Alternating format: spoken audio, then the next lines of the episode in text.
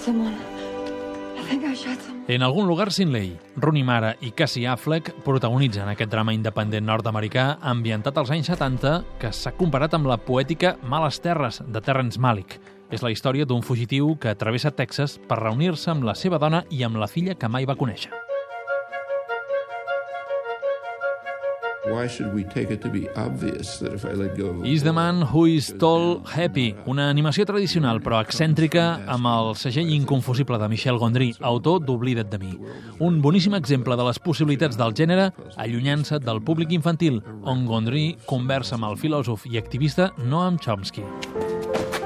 Teresa, you can call me Terry, ma. 马上交了， Ilo Ilo, emotiu però gent sentimental drama que va representar Singapur als Oscars d'aquest any. Òpera prima d'Anthony Chen, basada en fets reals i premiada al Festival de Canes amb la Càmera d'Or al millor debut. Una història d'immigració entorn d'una família acomodada que acull una dona filipina.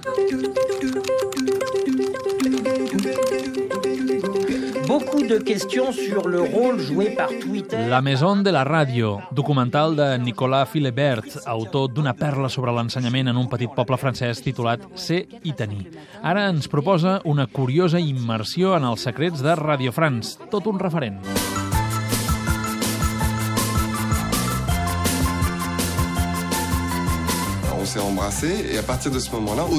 I Men dans le Men, última pel·lícula de Valérie Donzelli, que fa uns anys va enamorar molts espectadors amb Declaració de Guerra.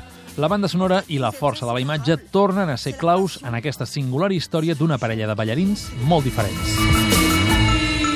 Parce que je n'avais pas envie.